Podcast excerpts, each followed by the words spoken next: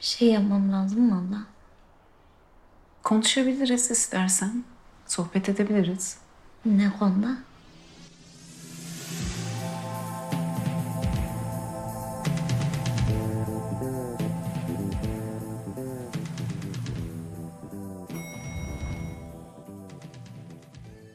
Son günlerde üzerine herkesin konuştuğu, kiminin yerden yere vurup, kiminin göklere çıkardığı Berkun Oya imzalı bir başkadır dizisi, belki de son yılların en çok tartışılan, gündem yaratan yapımı oldu. Ancak sinema dilinden çok içinde barındırdığı eski Türkiye yeni Türkiye okumaları, dizinin kendi içinde yarattığı kutuplaşmaları ve politik duruşu konuşuldu. Birçok sinema eleştirmeni dizinin kültürel, dinsel ve sınıfsal hayatlarında cesurca dolaşması, muazzam sahiciliği, Türkiye'li olma hallerini fazlasıyla içermesi üzerine pozitif yorumlar yaptı. Ancak dizinin hesaplı, ticari ve tepeden bir bakışla izleyiciye sunulduğu eleştirileri de az değildi. Öyle ki bir araba dolusu lafa gerek yok. Derinlikli olma izlenimi adı altında yüzeysel, abartılı bir dram, sığ bir anlatım şeklinde daha sert eleştiriler de geldi. Elbette bu kritikleri de fazlasıyla acımasız bulanlar oldu. Beğenin ya da beğenmeyin, hatta e, biz bu filmi daha önce görmüştük deyin. Su götürmez gerçek şu ki dizinin yarattığı etki alanı epey büyük. Oyuncu kadrosunda Öykü Karayel, Fatih Artman gibi yetenekli isimlerin bulunduğu, yayınlandığı günden bu yana üzerine metiyeler dizilen 8 bölümlük dizide galiba herkesin hemfikir olduğu konu oyuncuların enfes performanslarıydı. Tüm bu tartışmalar eşliğinde sorulması gereken dizi izleyiciye neden cazip geldi ve gücünü nereden alıyor?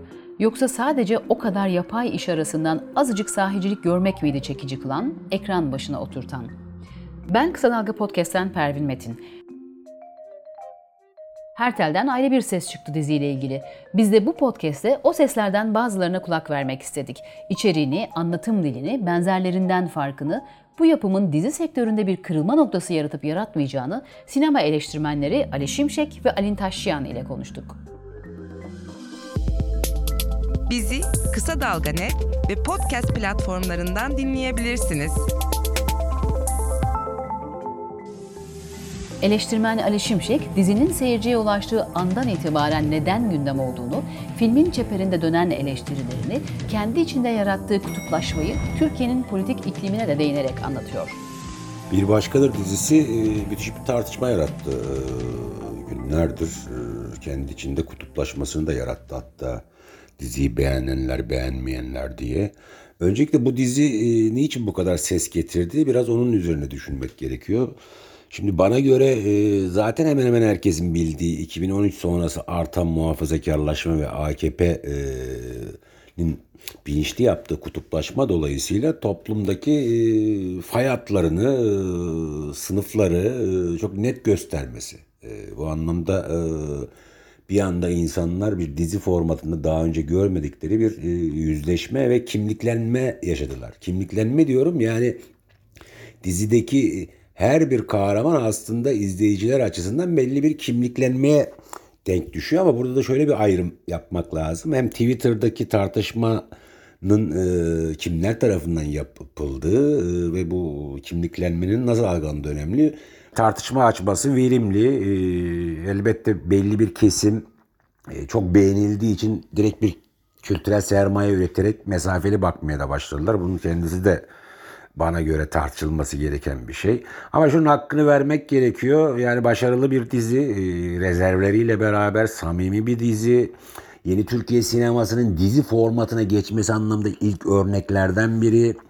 O anlamda gelecek dizileri de belirleyecek e, potansiyeller taşıyor. Çünkü festival filmlerine festivallere hapsolmuş bir yeni Türkiye sinemasından bahsediyoruz ki geçmişte ben de eleştirdim yavaş diliyle, mesafesiyle, suskunluklarıyla. Bunlar özellikle alt orta sınıfların algılayabilecekleri filmler değiller. Yani biraz açıkçası kendilerini e, eğitmeleri de gerekiyor onları. O anlamda e, bir başkadırın e, alt orta sınıflar, geleneksel orta sınıflar ya da yoksullar anlamında belli bir izlenirlik zorluğu var sinema dili açısından. Ama dediğim gibi çok tartışılınca o kesimlerden de merak edip seyredenler olacaktır. Dizinin sinema dili açısından bugüne kadar izlediğimiz diğer yapımlardan farkını, referanslarını, hangi sınıfa hitap ettiğini biraz daha detaylandırıyor Ali Şimşek. şöyle bir özetleme yapalım. Yani Türkiye'de geniş kitlelere üretilmiş ve sevilmiş diziler 1986 Perihan Abla arkasından 90'lı yıllardaki apartman orta sınıflarını anlat, e, hatırla, e, anlatan bizimkiler ya da kendim biraz çeperindeki e, mahallenin muhtarları gibi ya da e, ikinci bahar gibi işte Samatya gibi İstanbul'un köklü semtlerinde küçük esnaflık hayatlarını anlatan diziler çok tuttular. Yani mahalle ruhu ya da benim mahalle hayaleti dediğim bir şey. Oysa 2000'lerden itibaren özellikle Asmalı Konak gibi vesaire gibi dizilerle e, holdinglerin, iş adamlarının, güzel kadınların, yakışıklı erkeklerin e, geçip yaptığı bin bir e, entrikanın döndüğü hani 80'li yıllarda Dallas ya da JR figürü dediğimiz diziler tuttular. Yani ya da işte Çukur'da gördüğümüz gibi kentin varoşlarına ya da e, lümpen proletaryasına seslenen bol şiddetli, direkt şiddetli diziler yaygın. Yani bunlar reytinglerde AB grubu gibi bir e, aşağı yukarı orta sınıf, alt orta sınıfa denk düşen bir kitleye denk düşüyor ki onlar düşünüldüğünde bu elbette bir farklılık taşıyor. Çok tartışılmadı sinema dili açısından fark taşıyor. Çünkü dizinin kendisi bir başkadır aynı zamanda e, kendi alanına da referans yapan yani bizim refleksif dediğimiz yöne sahip. Mesela televizyon dizilerine yani dizinin içinde Show TV'ye gönderme, Halk TV'ye gönderme, İmam'ın seyrettiği TRT'ye gönderme, e, benim yazıma başlık yaptığım Çukur'u izleme hemen meşhur e, plastik gül örneğinden sonra Çukur'a geçmek bir kesmeyle gibi. O anlamda e, sinema dili anlamında da farklılıklar taşıyor. Hayata kulak ver. Kulağını sokağa aç. Haberi duy. Haber podcastle buluştu. Kısa Dalga Podcast. Sinema eleştirmeni Alin Taşçıyan'ın ise diziye dair birçok eleştirisi var. Ancak karşımızda içeriği incelenmeye değer bir eser duruyor. Vurgusunu yapmadan da edemiyor. Türkiye'de Dallas ve Şahin Tepesi'ni taklit etmeyen bir dizi bu, diyor. Şey sormak istiyorum. Ben uzun zamandır bir dizinin bu kadar çok tartışıldığını, gündem olduğunu görmedim. Ee, bilmiyorum yanılıyor muyum? Niye bu kadar çok üstüne konuşuldu? Ee, niye bu kadar çok etki alanı büyük bu dizinin? Şimdi öncelikle bunun bir e, promosyon harikası olduğunun altını çizmek isterim. Çünkü bana oturup bir gecede 8 bölüm dizi izletti. E, bu bir promosyon harikası demektir. Çünkü özellikle bu kadar da popüler olan işlerden e, kaçarım ben, çok sıkılırım. Öncelikle karşımızda e, içeriği incelenmeye değer bir eser var. İçeriye gelene kadar biçimsel olarak nasıl olduğunun önemi vardı. Çünkü bazı başka işlerde de yani değerli içerikler olabilir ama karşımıza e, kendi mecrasını doğru e, biçimde e, uygulayamayan bir iş çıktığı zaman soğuyoruz ondan. Bu e, gerçekten hani e, senaryosunu teknik olarak e, çok iyi oturtabilmiş e, yani o e, ger- gerçek anlamda dizi mantığından söz ediyorum. Türkiye'de e, yani aslında e, birer uzun e, reklam filmi olsun işte kadınlar ne giyiyor ne makyaj yapıyor saçı başı nasıl evler nasıl döşeniyor diye e, yahut hangi şık yerlere gidiliyor diye çekilen dizilerden söz etmiyorum. Onların hepsi e, basbaya net böyle ticari promosyon malzemesinin uzunları. E, yani mesela burada da promosyondan bahsettim ama burada eserin kendisi promosyon malzemesi değil, eserin promosyonu doğru yapıldığı için söyledim. Şimdi bunu neden anlatıyorum uzun uzadıya? Çünkü bana sorarsan ben izlemeye başladığımdan itibaren çok net bir şeyi gördüm. Bu aslında e, dizi izlemeyi seven ama e, Türkiye'de çekilen diğer dizileri izleyemeyen insanlar hedef alınarak yapılmış bir iş. Yani onun ticari paketlemesi tas tamam burada yatıyor. Çünkü dizinin içinde çok net göndermeler var. Bir tanesi bir dizi karakteri var. Melisa ki Nesrin Cavazzade bence hani Türkiye'de çok e, ender görülen örneğine çok az rastlanan bir öz eleştiri yaparak giriyor. Çünkü e, Nesrin'in bir e, dizi yıldızı personası var. Değil mi? E, bütün güzelliğiyle, inanılmaz şık kıyafetleriyle e, işte dizilerde boy gösteren bir yıldız o. Şimdi o o personayla dalga geçiyor. Çok net olarak söylüyor. Spoiler veriyorum ama vereceğim o kadar. Ee, mesela ona karşı konumlanan yeni arkadaş olduğu kişinin dizilerle ilişkisi var. Ee, bir tane bar sahnesinde e, Berkuno'ya bile isteye belli ki ona söylüyor. Ay bir Türk dizisini başından sonuna izleyecek değilim diyor.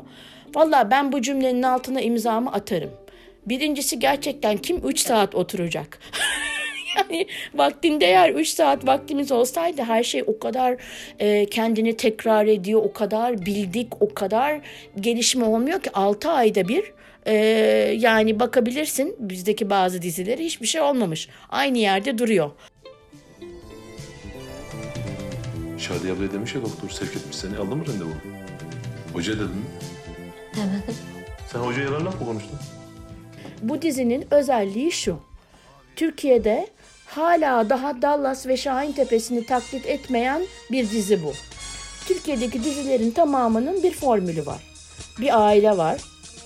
Ee, şey Ewing ailesi gibi. Çiftlikleri olabilir, yalıları olabilir, konakları olabilir. Önemli değil. Yani bir büyük malikanenin içinde yaşıyorlar. İç düşmanları, dış düşmanları var. İç çekişmeleri, dış çekişmeleri var. Kimin kimin ne olduğu, kimin kimden çocuğu olduğu, kimin ilişkisinin olduğu, kimin hangi e, para hırsına kapıldığı belli değil. Birebir Dallas bu muydu? Buydu. Bizim dizilerin tamamı aynı formülü kullanıyor mu? Birisi hayır desin lütfen. Çok gülerim yani. Birkaç tane farklı dizi var tabii ama temel bu. Temel bu. Şimdi nihayet birisi bunun dışına çıkmış. Bir iş yapıyor. Bir kere bu farklılıktan yakalıyor. Aynı zamanda e, sevilerek izlenen bir platformda yapıyor. Yani Netflix'te yapılıyor. Ali Şimşek'e göre de dizinin tartışmaya açık eleştirilmesi gereken yanları var. AKP'yi imtiyazlandıran kimlikçiliği besleyip beslemediğini, filmde cumhuriyetçilerin konumlandırılış şeklini sorguluyor. Ancak son tahlilde dizinin bütününe yayılmış dili samimi ve empatik buluyor. İşte özellikle 90'lı yıllarda sol liberalizm dolayısıyla AKP'yi imtiyazlandıran kimlikçiliği tekrar yeniden üretiyor mu? Yani bunlar da tartışmaya açık yönler. Bir kısmıyla üretme ucu var elbette. Ee, özellikle Halk TV'den gelen itirazlar düşünüldüğünde Cumhuriyetçi Kemalist kesimi yalı üzerinden başka bir yerde konumlandırması ya da başka arkadaşların ya niye e, Başakşehir gibi İslami Burjuvazinin, İslami yeni ortasının e, yaşadığı yerler dizide yok gibi bunlar da tartışmaya açık ama dediğim gibi dizi bunların hepsini kuşatamaz. Ama dizinin bütün diline yayılmış o sinemasal dili ürettiği bir samimiyet, samimiyet, bir empati duygusu, bir anlama duygusu, işte çok omel e, Jung konuşan e, imam diyelim ya da imam yardımcısı diyelim e, ya da cemaat far, ferdi diyelim. Bunun bir çok çok omel poşeti bile çok duygusal bir şey taşıyor. Yani geleneksel orta sınıf evlerindeki dekorasyonlar ya da yoksul evlerindeki dekorasyonlar, objeler, en önemlisi de 80 sonrası hayaleti çağıran Ferdi Özbeğen, jenerikte e, giden Ferdi Özbeğen şarkıları bunlar bir sıcaklık yayıyor. Bunu anlamak mümkün. Yani inanmak isteyen şahıs çatlağını bulan su gibi yolunu buluyor yani. Kulağınız bizde, kısa dalgada olsun. Haber podcastle buluştu. Kısa Dalga Podcast. Ancak Alin Taşçıyan diziler üzerinden sıkça yapılan eski Türkiye yeni Türkiye göndermelerinden rahatsız. Daha gerçekçi bir Türkiye geçmişine bakmanın zamanı geldi diyor. Türkiye böyle bir diziler üzerinden fantastik aleme geçmişti. Öyle bir boyutta yaşayıp gidiyorduk. Şimdi biraz ayaklarını yere bastırmaya çalışan bir şey var. Orada da bazı şeyler insanların sinirine dokunuyor. Neden? Çünkü herkes e, kendisini tam da burada anlatılan e, meseleye karşı konumlandırıyor. Mesela ben konumlandırıyorum. Mesela beni e, sinirlendiren ne oluyor? Şahsen söylüyorum bunu eleştirmen olarak değil. Başlayacağım artık sizin eski Türkiye yeni Türkiye'nize diyorum içimden. Yani ne formülmüş ne amma ekmeğini yediniz diyorum mesela. E, Bu benim şahsi görüşüm. E, mesela eleştirmen görüşüm değil. Eleştirmen Alin şöyle diyor. Hmm, evet yani Türkiye gerçekten e, yani yeni Türkiye eski Türkiye dikotomisine çok alıştı. E, bunun üzerinden e, daha ne kadar çok eser üretilir e, ve nedir bu nostaljik mesele diyorum. Sonra içimdeki e, kişi şöyle diyor. Ay hep aynı hikaye. Eskiden buralar hep dutluktu. Ya bir bakın dutluktan önce neymiş, kiminmiş diyor. yani eleştirmen olmayan Alin, e, izleyici olan Alin, hani eşinden dostundan bakıp e, onların da uzmanlık alanı hatta işte yani işte görsel e, medya değilse bile e, aklı başında eğitimli insanlar diye düşünüp görüşlerine bakıyor ve onların neye sinirlendiklerini net anlıyor mesela. Artık gerçekten bu dikotomiden bir kurtulmamız lazım. Yani her şey üzerinden Türkiye analizi analizi, yakın geçmiş analizi analizi yapmamamızda e, yarar var. Bir de nostalji duygusu gerçekten son yılların her şeye egemen duygusu. Ay ne güzelmiş o geçmiş. Ay doyamadılar. Herkes naif, her herkes güzel. Yani artık en e, korkunç, mizojin, muhafazakar Yeşilçam filmlerinde iki tane İstanbul manzaralarına tav olmalardan e, işte gene içimdeki insan çıkıyor ortaya eleştirmen değil. E, ama bunu zannediyorum eleştirmen kimliğim de söyletir. Abla vallahi işi biliyorsun. Nasıl? Yani eviriyorsun çeviriyorsun laf çaktırmadan istediğin yere getiriyorsun. Yani bütün bunlardan artık bir geriye dönüp daha gerçekçi bir Türkiye geçmişine bakmak lazım. Yani bizim geçmişimizde çok ciddi sorunlar var. Yakın geçmişimizde çok ciddi sorunlar var. O yüzden yani işte e, Ferdi Özbeğen'i gördük diye niye gözyaşlarına boğulacakmışız hiç anlamadım ben. Bütün bu müzik e, kullanımını e, eksantrik olsun diye mi yapıldı, ne yapıldı diye bütün diziyi böyle izlerken izlerken bir şey oluyordum yani. Bir yere varacağız. Hele ki 80'ler takıntısı var. Nereye gideceğiz diye düşünüyordum. Aa bir anda sonra çıktı. Eski Türkiye'nin sesleriymiş onlar. Taşçıyan, dizide Kürt ailenin betimlenme şeklinden de rahatsızlık diyor. Peki neden? Çünkü orada da öyle yani itirazımız olan meseleler var. Yani itirazım olan mesele e, bir Kürt ailenin bu şekilde betimlenmemesi.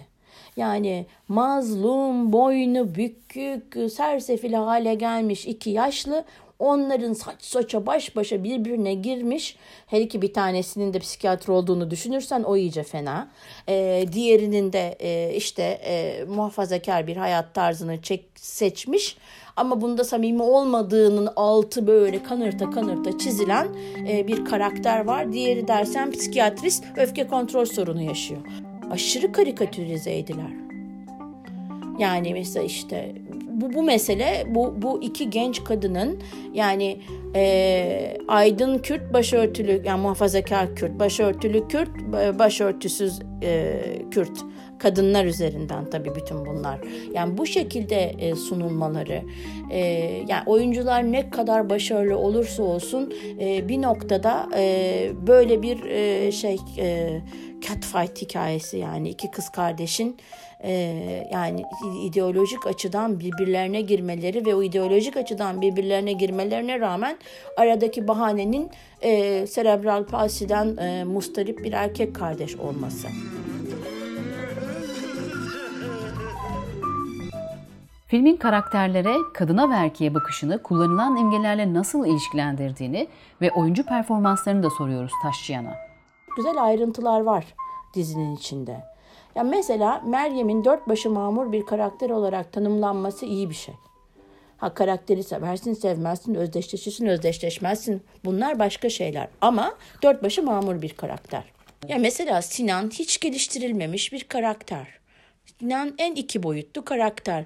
Bir ara bir in, indirmeye çalıştılar. Onda da Sinan'ın bütün o aşırı steril e, rezidans hayatının e, nedeninin e, bir istifçi gibi yaşayan annesi olduğunu çıktı. İşte o da çok sevimsiz. Kadınlar böyle yani. Kadınlar adamların nedeni. Eninde sonunda adamları hep hoş gördük. Yani mesela e, hoca Settar Tanrıören her zamanki gibi döktürüyor. E, yani Settar Tanrıören orada mesela çok e, hoş e, mizahi yönleri var. Herkese aynı şeyi veriyordu. E, şey örneği bir lale ile e, asla kokmayan kasım patılar tabii. Keşke kasım patıların kokmadığını biraz hatırlasak iyi olur. Mis gibi kokmazlar yani. Abinin hanımı bunun kopmayan yapraklarına bükülmeyen dalına kalmış. Üstündeki yağmur damlasını gerçek sanmış. Zenginleştirmek için senaryoyu gerçekten hani e, çok da uğraşmışlar. Tabii çok omel bir simge çıkıyor ama başka bir sürü gastronomik simge var. Ee, kıyma kavurma, portakallı kek, börek meselesi, vejeteryenlik filan. Yani aslında e, çok çaba harcandığını görüyorum ben. Yani herkesi bir yerden yakalayabilecek e, zengin bir metin oluşturulmak için çok uğraşıldığını görüyorum. Ama öte yandan tabii e, mecra yani bir dijital platform da olsa aslında hani televizyon formatı olduğu için e, işte dizi mantığıyla çekiliyor ve bazı şeyler hani çok da zarif, çok da incelikli olmaz. O o kadar mümkün değildir. Yani biraz daha netleştirmek, biraz daha e, şey e, vurgulamak gerektiği için bazı şeyler öyle çıkıyor. Ama güzel incelikleri olan hani şeyler de vardı diyelim. De onlar mesela dizi formatı içinde galiba çok uymuyor. Mesela konuşamayan o küçük oğlan çocuğun masum bakışları dizi boyunca bizi takip etti. En sonunda işte e, annesinin çözülmesiyle birlikte onun da dili çözüldü ama ben tabii bu noktada psikiyatrlar ne diyor onu merak ederim. Yani bir insan bir majör depresyondan öyle mi çıkar? Kıl fikir kalmadı bende. Babam yıkılacak.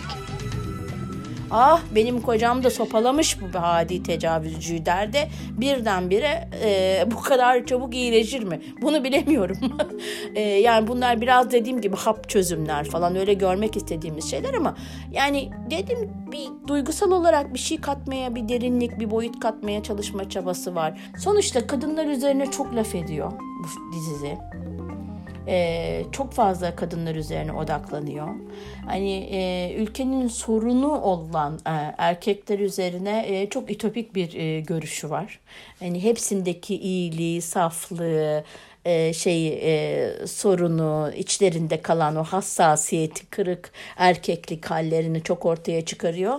E, işte bunların hepsi e, zannediyorum e, yani benim genel rahatsızlıklarımın bir e, özeti gibi. Değişik hareketlerim var bak Meryem. O karıyla başladı bu iş. Abi alakası yok. Var, var. Çok alakası var.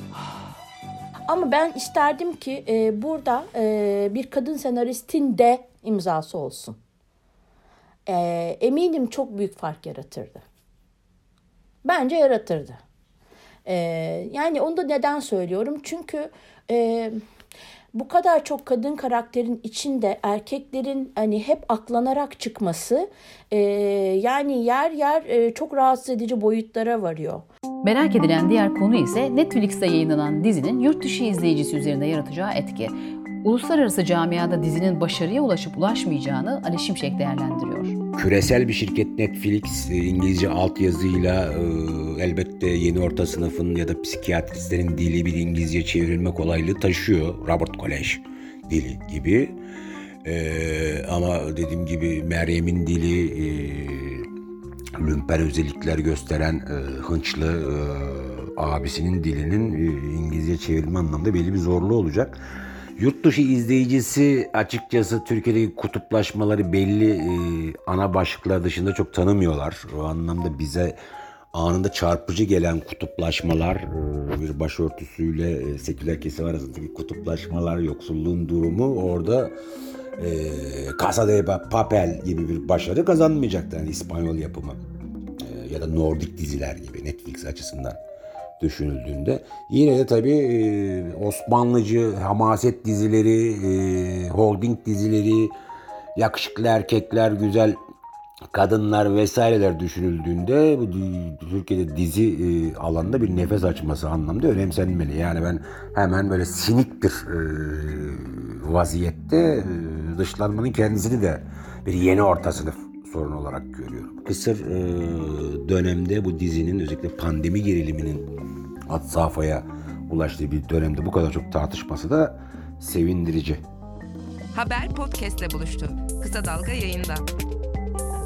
Bizi Kısa Dalga Net ve podcast platformlarından dinleyebilirsiniz.